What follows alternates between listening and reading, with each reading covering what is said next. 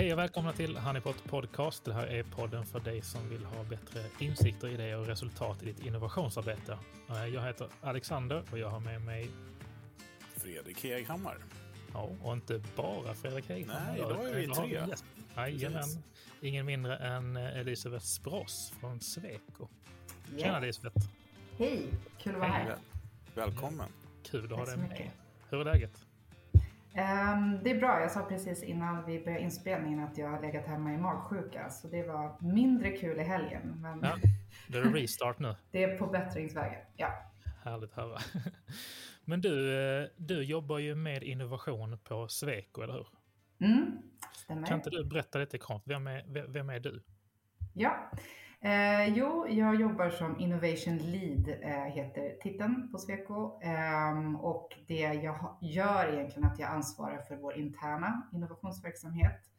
Eh, så jag, dels så äger jag vår innovationsportal och vår innovationsprocess och våra liksom, stödverktyg för hur vi jobbar oss igenom en sån process. Ehm, och sen så är är jag också samordnare för våra sex innovationsgrupper. Så vi har en innovationsgrupp för varje division i Sverige.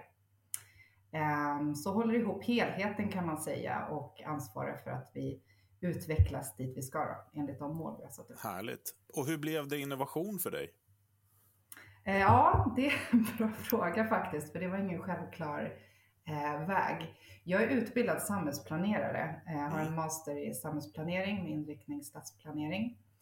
Eh, sen så tog jag mig in på Trafikverket eh, som trainee. Mm. Så jag började där ehm, och jobbade kvar i ja, men, sex år eh, inom myndigheten med flera olika roller egentligen. Men man kan säga att de sista tre åren på Trafikverket så började jag jobba mer riktat med liksom, FOI, forskning och innovation. Mm. Så jag satt med i en av våra innovationsportföljer, Mer nytta för pengarna, eh, som den hette då i alla fall. Um, och försökte få oss att liksom, om man jobba mer med innovation och utveckling, eller utveckling i den långsiktiga eh, infrastrukturplaneringen kan man säga. Just det, men ser du, har du, är du, eller ser du dig själv som en intraprenör? Är, är det liksom det som har drivit dig att du tycker saker och ting har gått för sakta eller varit för trubbigt eller långdraget så att du liksom, varför kan man inte göra det här som man läser om överallt annars liksom? Ja, alltså, jag tror att det är flera grejer. Dels så gillar jag att applicera ett systemperspektiv på saker Mm. och där gillar jag innovation för att man kan inte bara jobba med liksom, en sak, idéinsamling eller bara kultur eller bara strategi utan man måste jobba med alla delar ihop i ett system. Det är då man får innovation att fungera. Liksom. Eh, och det har jag nog alltid haft, ett sånt systemperspektiv. Mm. Eh, sen när du sa att det går för långsamt, det var ju lite min bild av att jobba i myndighetsvärlden. Att jag tyckte att det gick lite för långsamt ibland. Eh, det är långa beslutsprocesser och jag menar, särskilt infrastruktur. Du bygger en bro som ska stå i hundra år. Men du vet inte ens hur behovet ser ut om tre år. Så hur ska du kunna Nej. bygga? Ja, ni fattar. Eh, och det var faktiskt en av anledningarna till att jag valde att sen gå till eh, den privata sektorn eh, för att se, liksom, är det bättre här? Går det snabbare här? Men, men just när du var på Trafikverket där också, så jag, för Ja. att jag har varit med och jobbat en del med stadsplanering också, mera då kanske kommersiella eh, partners som eh, Atrium Ljungberg, Skandia Fastigheter och sådana saker. Eh, Mm. Och jag tänker mig just på det här, eh, i alla fall under de åren, vid sex års tid har jag kanske jobbat till och från det här, man gick från den här trippelhelix till kvadruppelhelix. Mm. Känner du till de förändringarna eller Mm. och var det med jag fick uppleva det? Och, och i sådana fall, jag är lite nyfiken på eh, Trafikverket där, där du var. Är Liksom, pratade man om det och eh, jobbade ni efter det och kände ni också att det var bättre när man la till den här fjärde ingrediensen, det vill säga människorna i, som ska bo i det här samhället? Ja, jag skulle säga både och. Eh, Att, alltså visst, det har blivit bättre. Jag jobbade ju på det som heter planering på Trafikverket, eh, bland annat med inriktningsplaneringen som ska sätta någon typ av liksom, ramverk för hur investeringarna ska se ut eh, för några år framöver. Ehm, och det som var skillnaden under min tid var väl att från att ha tänkt mycket så här tillgänglighet till alla. Alla ska komma fram inom en viss tid och man ska ha tillgång till transportsystemet. Det var liksom Mm. det absolut övergripande målet. Så började man mer se på så här, ah, men det kanske ska vara tillgänglighet inom hållbarhetens ramar. Man ska liksom inte kunna få tillgänglighet till varje pris, utan vi måste minska klimatpåverkan. Vi måste ha en social hållbarhet och trygghet och trafiksäkerhet och all, alla de andra aspekterna. Just det. Ehm, och det tycker jag väl mig ändå se att det också kommer ut lite mer i det som faktiskt byggs och det som upphandlas, mm. att man sätter lite mer krav på de delarna. Samtidigt går det ju för långsamt. Eh, så tittar man, och det här är inte unikt för Trafikverket utan det är väl offentlig sektor överlag och delar av privat sektor också. Att man har ju de liksom effektmålen dit vi ska nå. Vi ska minska klimatpåverkan med 70 procent. Vi ska ha, ja, alla ska må bra och liksom mm. bra hälsa och god trygghet och allt sånt här. Eh, men tittar man sen på projekten som faktiskt genomförs så är det ju extremt mycket fokus fortfarande på tid och kostnad och mm. optimera det här och nu. Um, och summan av alla projekt måste ju leda till effekt. Och där tror jag inte riktigt att vi är än. Så att det, det, behövs en utveckling, eller det behövs snabbas upp och vi behöver få in mycket mer innovation eh, i projekten för att lyckas. Jag tänker mig också där, som jag, det som jag eh, gick en så här härlig eh, rysning. Kan man säga härlig rysning? Ja, det kan man väl säga. Gåshud blir det då, eller hur? Gå, mm. Positiv. Nej, men när du sa det här med att du gillar system och sånt. Jag gillar ju också, eller vi gillar system och ordning och reda så man kan slappna av och ha kul istället. men just det här med det holistiska perspektivet. Mm. Jag tänker just på eh, eh, din eh, före detta arbetsplats, då, Trafikverket. Vi ska, vi, ska, vi ska gå in på Sweco här strax och prata mer. Men just det här med att som, eh, som medborgare så, så undrar man ju ibland så här, ja, men de har inte tänkt till, de gräver ett stort hål här eller de gör det här. Eller, för, förstår du? Nu, det är inte ni som gräver hålen, men planeringen där, att jag tänker mig att för att förstå då den här holistiska ihopkopplingen så måste man jobba väldigt mycket med kommunikation och det tycker jag kan falla ibland. Att man, att man liksom, om jag förstår att vi är tvungna att gräva upp den här vägen nu för att det här ska vi åstadkomma i framtiden. Då har jag ju mycket mer förståelse. Då, bara, ja, men då kan jag gå runt här, det är lugnt. Liksom. Mm. Eller, eller vad, vad, vad, tycker, hur ser du på det? Liksom? Nej, alltså, förstår det är verkligen menar? spot on. Ja, jag förstår verkligen vad du menar. Och eh, jag jobbade under ganska många år med någonting som heter Tillsammans för tåg i tid som är en sån här branschsamverkan för ja, men hela järnvägsbranschen egentligen. Eh, som Trafikverket hade lid i och mm. hela målet var att öka punktligheten till 95 procent till 2020, vilket man inte nådde då nu i efterhand. Um, och uh, här hade vi ett, liksom, en del i projektet handlade om kommunikation eller resenärsinformation som det mm. hette. Men där har man kanske inte lyckats förflytta sig eh, lika långt som inom vissa andra områden. Mm. Och jag tror, precis som du säger, att vi kan liksom klara av ganska mycket som medborgare och resenärer. Alltså vi kan ha en förståelse för att saker är komplexa och att det tar tid. Så ja. länge vi får information och mm. att vi känner att vi kanske också får kommunicera tillbaka så att vi får vara med och påverka eller ge feedback och så. Mm. Och tar man just liksom tågresor, det vet ju alla som åkt tåg, att det är ju jäkla frustrerande när du sitter fast någonstans i liksom mellan Boden och Bastuträsk i skogen. Eh, och du vet inte varför. Och man får ingen information och någon kanske säger att ja, men vi tror att tågen börjar rulla om 10 minuter och sen så blir det 30 minuter och sen har du suttit i tre timmar. Eh, och fortfarande förstår man inte riktigt varför man kom fram fyra timmar för sent då, till sin slutdestination. Och det där tror jag är ett problem överlag, att vi är för dåliga på att jobba med att kommunicera. Vad är felen?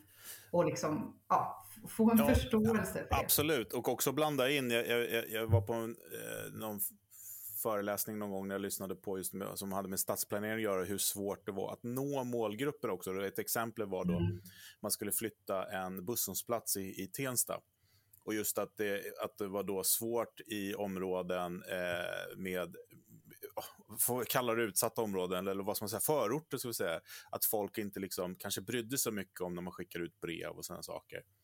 Men sen är det liksom man bara vända på, liksom, börja vända på stenarna och se hur hade, jo, de hade satt upp en affisch då på lokala biblioteket och fråga, vi ska flytta mm. den här busshållplatsen, tyck till. Det. Och det var ju klart att ingen hade gjort det, för att man ville kanske inte att någon skulle tycka till heller i slutändan, om du förstår vad jag menar. Det blir mycket jobb också. Ja, och det är som det här klassiska samrådsförfarandet som mm, kommuner och myndigheter mm, bjuder in till och så är det en homogen grupp med medelålders män som kommer dit, ett liksom 20-tal. Och då är ju frågan hur demokratiskt är det? Vilka är med och påverkar verkligen liksom samhälls och stadsutvecklingen? Och jag tror ju inte att det här är för att resten inte är intresserade. Nej, utan jag tror snarare, som du är inne lite på, att så här, vart får man informationen och är, är det lockande för dig att delta? Och här tänker jag, alltså om man kopplar till innovation och utveckling, med den liksom, tekniken vi har idag så kan man ju faktiskt inkludera medborgarna på ett ja, annat absolut, sätt. Absolut, och jag tycker nyckeln mm. är ju representation. Eh, för att annars, just när det kommer till sådana saker som har med stadsplanering, det blir ju surgubbarna och Karen-tanterna liksom. För det är de som söker upp och vill oftast eh, ge sitt missnöje då, där det finns massa folk eh, som kan tänka till. Och det är så fantastiskt också när man liksom tar in till exempel, ja, man ska skapa torg och man tar in polisen som direkt kan se så här, nej men du, den där, så som ni har eh, ritat här så kommer det bli bus där borta i hörnan. Liksom. Mm. Kan vi mm. sätta lampor där då eller någonting så här. Alltså sådana enkla saker. Eller vi sätter lite kontakter här så underlättar vi torghandeln så slipper folk ramla på kablar och sådana saker. Det, Mm. Det är ingen rocket science, men, men det, och särskilt det är så viktigt. nu i, i pandemitider, att du kanske inte ens ska behöva ta dig till kommunhuset för att Nej. lämna dina åsikter, utan du kanske kan logga in i någon digital tvilling av det bostadsområde som ska mm. byggas. Och så får du liksom peka på att men, de här bristerna upplever jag i min vardag som ungdom till exempel. Mm. Och det här skulle jag vilja förbättra. Och så skickar du in det från ditt liksom, rum i hemmet eller från ett fik eller vart du nu befinner dig. Ja, men precis. Eller till och med bara titta på den datan som faktiskt samlas in hela tiden som yeah. finns också. Verkligen. Men nu ska jag ge mig om Trafikverket, förlåt. och släppa in Alexander lite här. Jag är bara så nyfiken av mig. Det är jättekul att höra. Mm. Ja, men det, det är superintressant. Och du är ju kvar på ett sätt inom just det här med samhälls, liksom, samhällspåverkande byggnation. Mm. Hur, eh, hur tänker man just kring liksom jag tänker det en, måste vara en enorm skillnad att, att bedriva innovation som är riktad mot att liksom tillverka produkter för en konsument e-handel kontra att driva innovation för någonting som ska bygga liksom nya städer och liksom mm.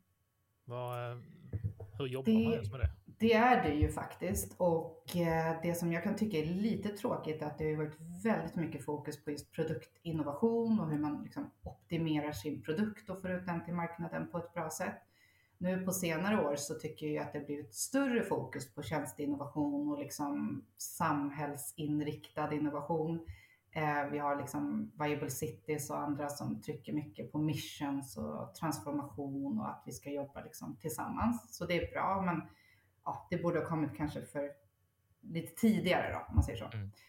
Um, men ja, det är ju kom mer komplext på det sättet att man kan inte ensamt påverka, utan man är liksom ett ekosystem av aktörer där alla spelar sin roll. Um, och till och med Sweco, jag menar vi är ändå ett stort internationellt bolag med 17 500 medarbetare liksom, runt om i primärt Europa. Um, och vi brukar säga att vi har all kompetens in-house och vi kan lösa alla problem. Och det är ju sanning med modifikation faktiskt. För även om vi har mycket kompetens in-house och vi kan klara liksom kunduppdrag, när vi tar det till det här systemperspektivet och som du är inne på, så här, vi ska ställa om till hållbara städer och samhällen och vi ska göra det med ett systemperspektiv. Ja, men då måste vi ha med andra aktörer också. Inte minst måste ju kommunen och staden verkligen vara i förarsätet och liksom ta lead i det här, inte bara beställa en konsult och liksom utför det här åt oss, utan verkligen vara högst eh, involverade. Men du måste också ha med näringslivet, du måste ha med civilsamhället, alltså medborgarna. Um, och jag menar, ju mer du skalar upp det, desto svårare Ja, det är mer komplext. Och det är Men mer finns, det, finns det ett regelverk för hur det här ska gå till? Eller liksom... Nej, det skulle jag väl inte säga att det finns. Det finns väl ingen så här liksom copy-paste universallösning. Eh, däremot, jag jobbar ju liksom med innovationsledning väldigt mycket och liksom den metodiken är någonting som jag förespråkar i olika mm. sammanhang. Och eh, det finns en, eh, en standard, en global ISO-standard eh, för innovationsledning eller innovation management som det heter på engelska. Um, som in, fler börjar känna till den, mm. den är inte allmänt känd i Sverige, det kan man inte säga. Um, och det är en sån guidance standard, alltså en vägledande standard. Så att den ger liksom ett ramverk kan man säga och riktlinjer och den ger liksom stöttning för hur du kan jobba mer strukturerat och mer mm. systematiskt med innovation. Uh, och det gillar jag och det är någonting som går att applicera oavsett liksom, utmaning, problem, oavsett sektor, bransch, så kan du använda det här liksom, ramverket. Men är det någonting som har börjat etablera sig då hos de här, eh, likt den här eh, ISO 9000 som kom för många, många år sedan med kvalitet? Är det här också någonting som börjar liksom, att man behöver ha några som har gått den för att förstå det? Man, man eh, åberopar den i upphandlingar och sådana saker. Ja, alltså jag tycker mig börja se det allt mer. Um, vi, nyligen har vi haft kunder som har efterfrågat uh, antingen någon typ av liksom, certifiering i ett innovationsledningssystem mm. eller motsvarande. Jag har också sett en kund som uh, sa att vi skulle beskriva liksom, vår innovationsförmåga. Det var en, en offentlig sektorkund som jag aldrig har sett liksom, den, den förfrågan tidigare och så vidare. Eh, det kommer mer kopplat till innovationspartnerskap där man ställer krav på just innovationsledningskompetens och så där. Så ja, alltså jag tycker ändå att det börjar bli mer kännedom och jag tror det man börjar förstå, alltså från kundsidan, är det här att vi kan inte bara ta en projektledningsmetodik eller processledningsmetodik och tillämpa den på ett innovationsprojekt eh, där vi inte riktigt vet exakt vad slutresultatet blir. Mm. För att jag menar, hela grejen med en projekt, projektledningsmetodik är att du vet exakt vad som blir i slutändan och så ska mm. du göra varje steg till punkt och pricka för att nå det. Medan med innovationsledning är det ju mycket mer att du liksom leder och driver i osäkerhet och det är en agil process och du får hoppa fram och tillbaka och så. Och det tror Men, jag eh, finns absolut. mer förståelse för. Och det är ju den stora skillnaden, precis som du säger. Och där eh, pratar vi mycket om och som vi upplever nu att när man jobbar med hållbarhet Mm. så är det lite mer likt det här projektsättet för att man har målet klart. Eh, och det, då är det ganska spännande om man har jobbat med innovativa processer då, och innovationsledning som du gör för att snabbare nå det målet. För att det går lite snabbare. Mm. Och Det tycker jag är spännande. Men, men utmaningen kan ju vara då att få med sig alla och ehm, eh, få buy-in så att säga av alla de här aktörerna. Då. Så hur, hur liksom Mm. Har du något tips där hur, hur det går till rent praktiskt? um, oh, tusen miljoner kronors fråga. Nej, men eh, jag tänker från offentlig sektors sida, återigen, så, eh, eller tips, men alltså ett verktyg i alla fall, det är att jobba mer med innovationsupphandling. Alltså, mm. um, eller jag kan backa ännu mer att använd de möjligheter som finns inom ramen för LOU till och med. För LOU är ibland liksom, man tolkar det på ett lite felaktigt sätt och väldigt blint och att man inte har några utrymmen alls att innovera eller vara innovativ, vilket inte riktigt stämmer. Det finns utrymmet inom ramen för LOI också. Men ska man vara ännu mer innovativ och utveckla ännu mer, ja men eh, se innovationsupphandling som ett verktyg. Det finns eh, liksom bra tips och trick från Upphandlingsmyndigheten till exempel. Ehm, jag ser faktiskt mer nu kunder som börjar upphandla lite mer utifrån man kallar det för förhandlat förfarande eh, till exempel. Mm. En typ av innovationsupphandling där man så delar upp projekt i olika faser. Alltså, och nu Just. tänker jag från liksom, konsulter eller den ja, branschen som jag befinner mig i. Det vi är vana vid är ju att man säger att gör så här, utför det och så gör vi mm. det och så till lägsta kostnad. Liksom. Mm. Eh, men så börjar vi se så här, ah, okej, okay, men vi vill göra det här, men det ska ske i tre steg. Och första steget är att ni lämnar in någon typ av idékoncept. Och sen får vi se vilka har de bästa koncepten för att tas vidare till att liksom definiera det här lite mer. Och sen ja, den tredje fasen, att någon vinner och får projektera den mm. slutliga mm. lösningen. Um, och det är inte, alltså det är absolut inte liksom merparten av upphandlingarna på något sätt. Men det blir vanligare och jag hoppas verkligen att man vågar använda det mer framåt. Jo, för då belyser man ju nyttan lite mer än bara att man har lägst pris. Ja, verkligen. Och du får ut innovationskraften hos konsulterna också. Ja. exakt. Eh, som du inte får på samma sätt när man styr alldeles för hårt. Mm. Spännande. Det är ju intressant mm. att just få ut det, jag tänker, i, hos individerna och i, ute i organisationen också. För jag tänker att mm. om man Eh, om man följer dig och, och Sweco på LinkedIn så ser man att ni pratar mycket, både du och bolaget pratar mycket om just hållbarhet och, och ansvar och, och, klimat och så också. Jag tänker hur, hur jobbar ni själva då, alltså internt exempelvis i era processer för att få med det? Har, har ni liksom med det redan från start när ni identifierar liksom saker som ni vill utforska eller mäter ni liksom de lösningar som kommer fram, hur de kan påverka? Mm. Mm, bra fråga. Alltså vår, vi har en ganska bred definition av innovation mm. eh, av olika skäl, men allt ifrån liksom inkrementell, väldigt små grejer till liksom lite större. Och egentligen kan man säga att vi har två spår för hur idéerna utvecklas. Det ena mm. är förstås liksom nya tjänster till kund och marknad. Och här krävs det ofta liksom lite större förändringar. Ehm, det andra är mer liksom smartare arbetssätt, alltså optimera sättet vi jobbar och ger värde till eh, våra kunder. Det är också kundorienterat, men det är ändå liksom för att utveckla vår verksamhet för att kunna göra bättre åt kund. Och eh, vi har liksom ett antal verktyg för hur vi tar idéer vidare. Ett verktyg är att vi tittar på just hållbarhet. Alltså vi har en, mm. en canvas kan man säga, eller liksom mall för hur man optimerar affärsmodellen utifrån ett hållbarhetsperspektiv. Så inte en sån här vanlig liksom, affärsmodell där det bara handlar om att göra affärsnytta.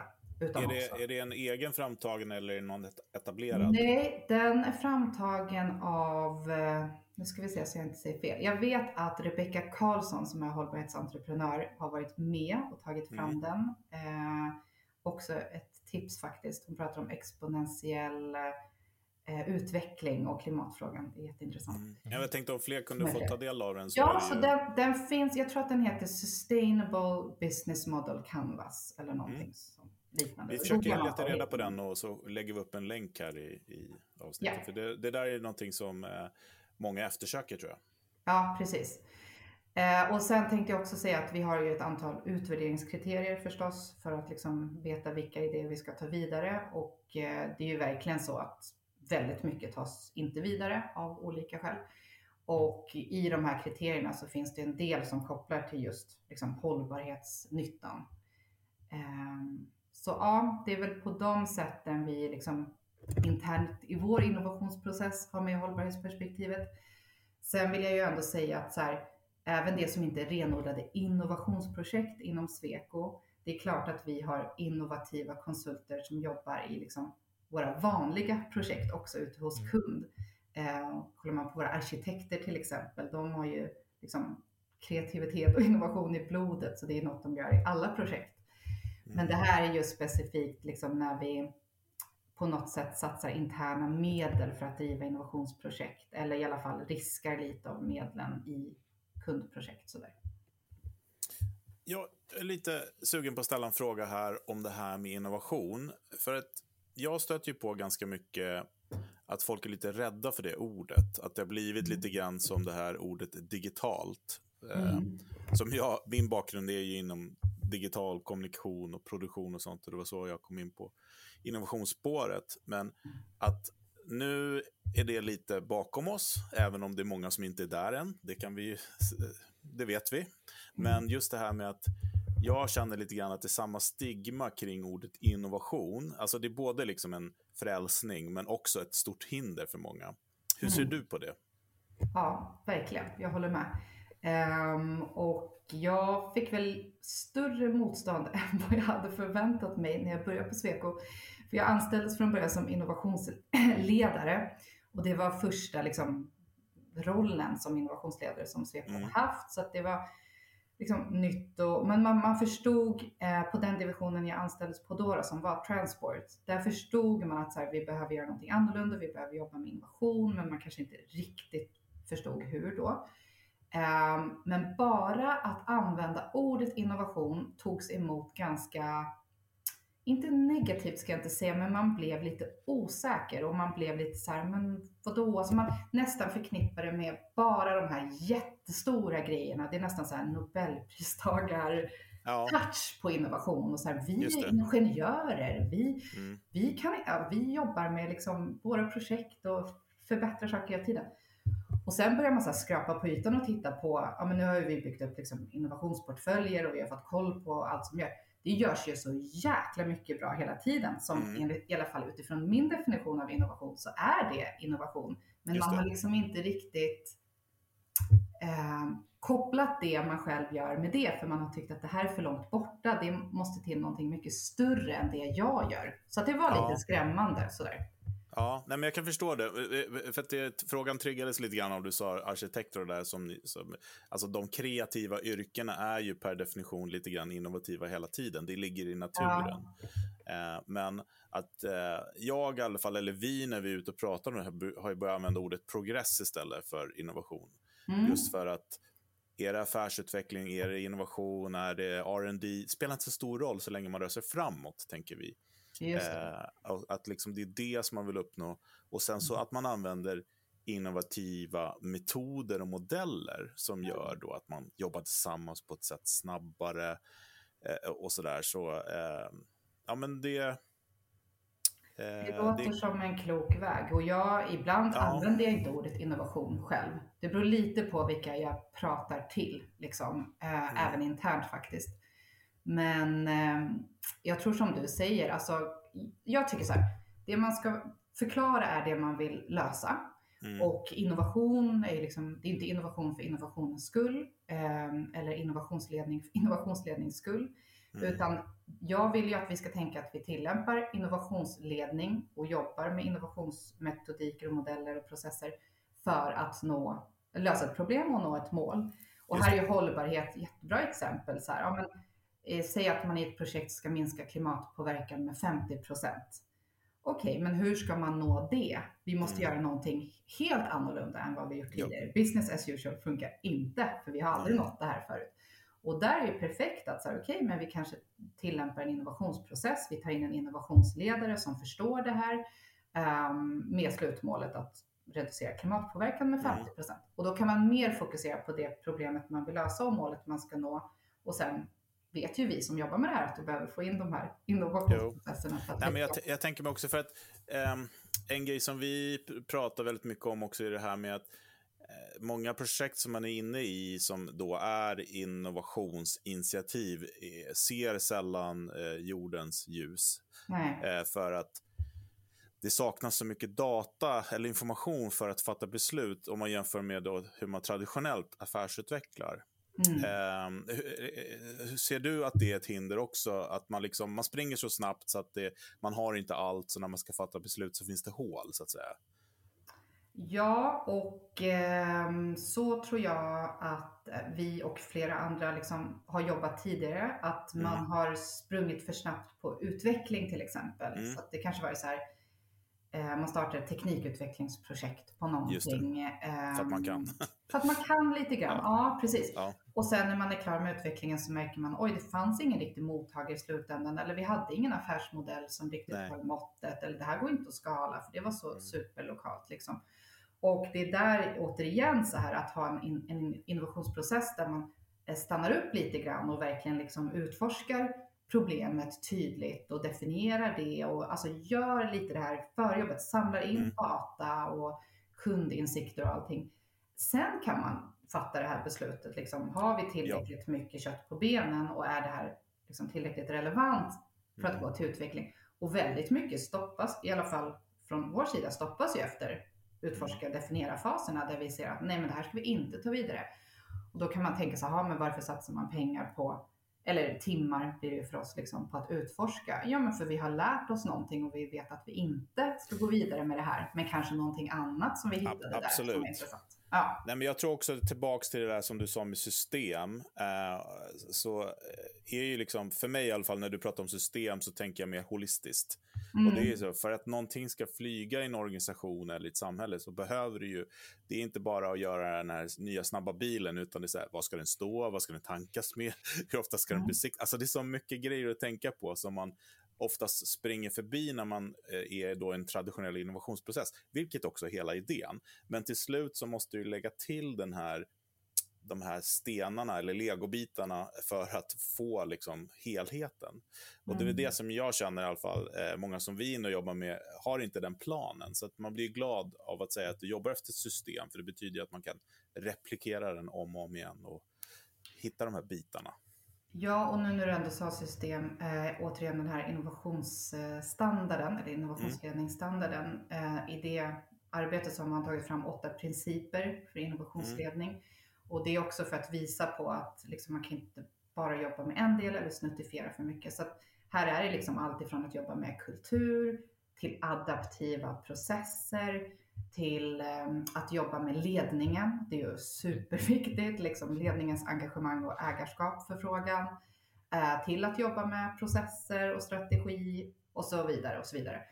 Så att, och de tycker jag är ganska bra, för man kan liksom se vart befinner vi oss idag kopplat till respektive princip och vart skulle vi önska vara? Säg till exempel ledningens commitment att så här, men vi vet att vår ledningsgrupp, de bryr sig inte alls om innovation. Det är aldrig på deras agendor eller jag som innovationsledare bjuds aldrig in till ledningsgruppen för att prata om frågorna och får inget. Nej. Ja, då kanske man befinner sig, alltså har ett ganska lågt liksom, mognadsgrad där. Och så säger man, ja men vi vill hit då. Vi vill förflytta oss hit. Ja men då kan man ta fram en plan för att jobba därifrån. Och så mäter man utifrån den principen och så gör man samma sak med de andra sju.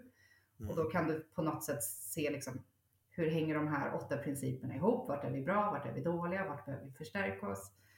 Ehm, ja, så det är ganska bra så man kan använda dem för att följa och mäta liksom, vart man är och vart man vill. Precis, och man, man, man säger ofta så här att innovation jämfört då med projekt som du sa, om vi ska, om vi ska ta den uppdelningen, att innovation är ju liksom okänt mål. Mm. Eh, men det betyder ju inte att vi ska jobba på ett okänt sätt att ta oss dit. Det, det är det jag menar lite grann med systemeringen också. Precis. För att var, man behöver inte springa som yra höns bara för att det är ett innovationsprojekt, utan man kan ju jobba strukturerat eh, efter en process och efter en, ett system för att eh, komma, komma, eller göra det okända känt helt enkelt. Ja, verkligen. Och det är där jag tror att det blir lite så här, ibland när det blir en negativ stämpel på innovation och de som jobbar med innovation. Eh, att det, man har den bilden av att det är väldigt så här, abstrakt, det är väldigt rörigt, det är väldigt mycket så här, kreativ verkstad, men det händer ingenting. Och i viss mån är ju det sant i och för sig. Många misslyckas ju. Det är ett jättestort genomförandeunderskott och det liksom slutar ofta i många idéer. Men det är ju när man inte lyckas jobba strukturerat, inte lyckats tillämpa en innovationsprocess och ha kompetenser och verktyg som stöttar liksom hela vägen. Men får man till det, då skulle jag ju säga att det är otroligt strukturerat och systematiskt. Liksom. Um, sen ska det ju finnas kreativa möjligheter inom ramen för varje processsteg. Eller, ja. um, och då kan du liksom öppna upp kreativa miljöer och ha massa så här coola verktyg för idégenerering eller konceptbyggande eller vad det nu är. Men själva liksom, processen i sin helhet och hur du följer den och att du hela tiden har värde i slutändan som mål. Det är ju extremt strukturerat. Så att jag hoppas att man med innovationsledning och återigen den här standarden för innovationsledning, att vi kan få en liten annan stämpel också på innovationsarbete och innovationsprojekt. Att det behöver inte vara det här bara superröriga som inte leder till någonting. Nej, verkligen inte. Och, och jag, jag, tycker redan att man har sett den förändringen de senaste två åren. Det är mycket mer prat om mål och kopior och sånt, mm. vilket är välkomnande. För det är mycket mm. lättare att leverera som konsult också när man vet vad, vad man ska mätas på. Verkligen, så är det. Mm. Mm. Kul. Vi har ju faktiskt här att varje vecka så har vi en liten, en liten rutin, en liten, en liten återkommande inslag som vi kallar för veckans goodiebag. Och eh, vi eh, tänkte att eftersom att vi har en så skarp gäst med oss idag så ska eh, du få köra den, Elisabeth. Ja. så den jingeln kommer här. Veckans goodiebag. Ja, det var veckans goodiebag. Det var Fredrik och Kongas som Lite fick Kongas är aldrig fel. Bra inflygning. Um, ja, nej men jag har egentligen många tips, men jag väljer ett då eh, som är lite lättillgängligt och det är en bok faktiskt ehm, som heter The Corporate Startup. Och eh, som det låter så är den liksom inriktad till företag, så kanske inte superrelevant för offentlig sektor, även fast jag tycker att den kan vara det. Ehm, men det handlar om att företag, organisationer ska få in lite mer startup-mentalitet eh, i sin organisation och i sin kultur. Eh, men med förståelsen att det förstås är en annan uppbyggnad och struktur i, i ett liksom, stort bolag. Um, och jag, det jag gillar med den är att den ger väldigt mycket så här konkreta verktyg för hur man ska jobba strukturerat återigen med innovation. Um, allt ifrån liksom hur bygger man affärscase, hur tar man fram affärsmodeller, till hur mäter man innovation, hur följer man upp det, uh, hur engagerar man organisationen, ja, allt det här uh, systemperspektivet. Superbra ju. Och vad hette den, den nu igen? Den hette?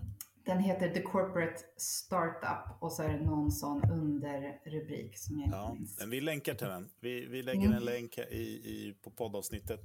Ja. Eh, för sånt där är ju trevligt. Eh, det låter som en bok som borde stå i, eh, i receptionen på alla företag.